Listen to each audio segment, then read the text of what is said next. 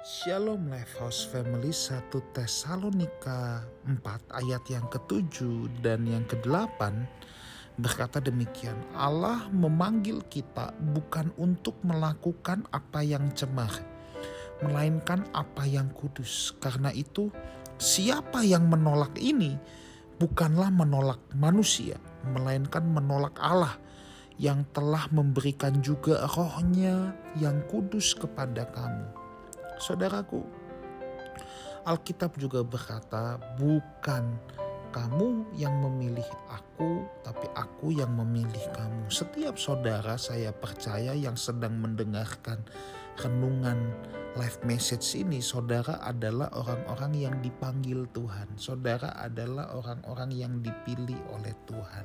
Satu hal yang kita ketahui, untuk apa sih Tuhan memanggil kita? Alkitab berkata Tuhan memanggil kita bukan untuk melakukan apa yang cemar, melainkan apa yang kudus. Kudus itu artinya dikhususkan, dipisahkan. Ya, itu etimologinya dari bahasa aslinya. Jadi kalau Alkitab katakan kamu dipanggil untuk melakukan apa yang kudus, maksudnya adalah apa pun yang kita lakukan, kita lakukan untuk Tuhan ya tentunya kan kita tidak mungkin selingkuh untuk Tuhan. Gak ada selingkuh untuk Tuhan. Judi untuk Tuhan. Gak ada judi untuk Tuhan. Tapi kalau kita mengasihi pasangan kita, kita mengasihi pasangan kita untuk Tuhan. ya. Jadi kita dipanggil bukan untuk melakukan apa yang cemar, melainkan apa yang kudus. Nah kenapa sampai ada dikatakan bukan melakukan apa yang cemar? Rupanya ada orang-orang yang menerima panggilan Tuhan, menjadi orang percaya, menjadi pengikut Kristus, tapi hidup seenaknya, tetap melakukan apa yang cemar. Gawat lagi, saudara, ada yang berkata seperti ini: "Oh, kita nggak apa-apa buat dosa. Sayang dong darah Kristus yang sudah tercurah di atas kayu salib. Kalau kita nggak bikin-bikin dosa, Terus buat apa darahnya tertumpah? Wah itu konsep yang sangat kurang ajar saudara ya. Tapi saya betul pernah mendengar orang yang berkata demikian. Kita hidup semaunya saja. Sayang itu darah Kristus mahal kalau bukan buat membasuh dosa kita. Jadi kita enak-enak aja. Berdosa saja, melakukan yang cemar aja. Saudara Alkitab dengan jelas berkata, kita dipanggil untuk melakukan apa yang kudus, apa yang dikhususkan untuk Tuhan Makanya karena itu siapa yang menolak ini?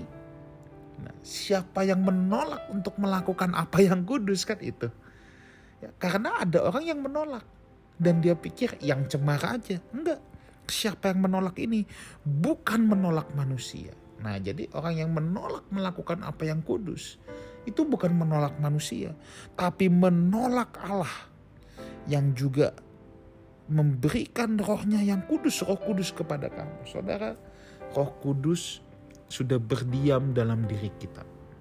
Kalau dalam perjanjian lama, roh kudus tidak tinggal secara permanen dalam hidup umat Tuhan. Dalam perjanjian baru, roh kudus tinggal secara permanen dalam hidup saudara dan saya.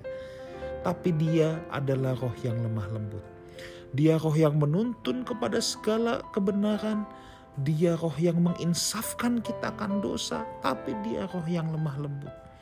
Ketika kita mau berdosa, ketika kita mau bersalah, kita mau melakukan apa yang cemar, pasti Roh Kudus mengingatkan dalam nurani kita.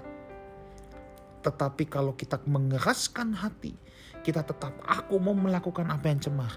Dia roh yang lemah lembut, dia tidak mungkin memaksa, saudara. Tetapi ingat ini orang yang menolak ini itu bukan menolak manusia, tetapi menolak Allah. Saya berdoa Life House Community kita semua boleh ditemukan sebagai pribadi-pribadi yang sungguh mengasihi Tuhan. Kita ditemukan sebagai orang-orang yang benar-benar mengasihi Tuhan, yang tidak menolak Tuhan, sehingga satu hari kelak ketika kita berjumpa muka dengan muka bersama Tuhan Yesus ya. Kita menjadi orang-orang yang dikatakan marilah masuk ke dalam kebahagiaan Tuhanmu. Hai hamba yang baik dan setia. Tuhan Yesus menyertai kita semua. Amin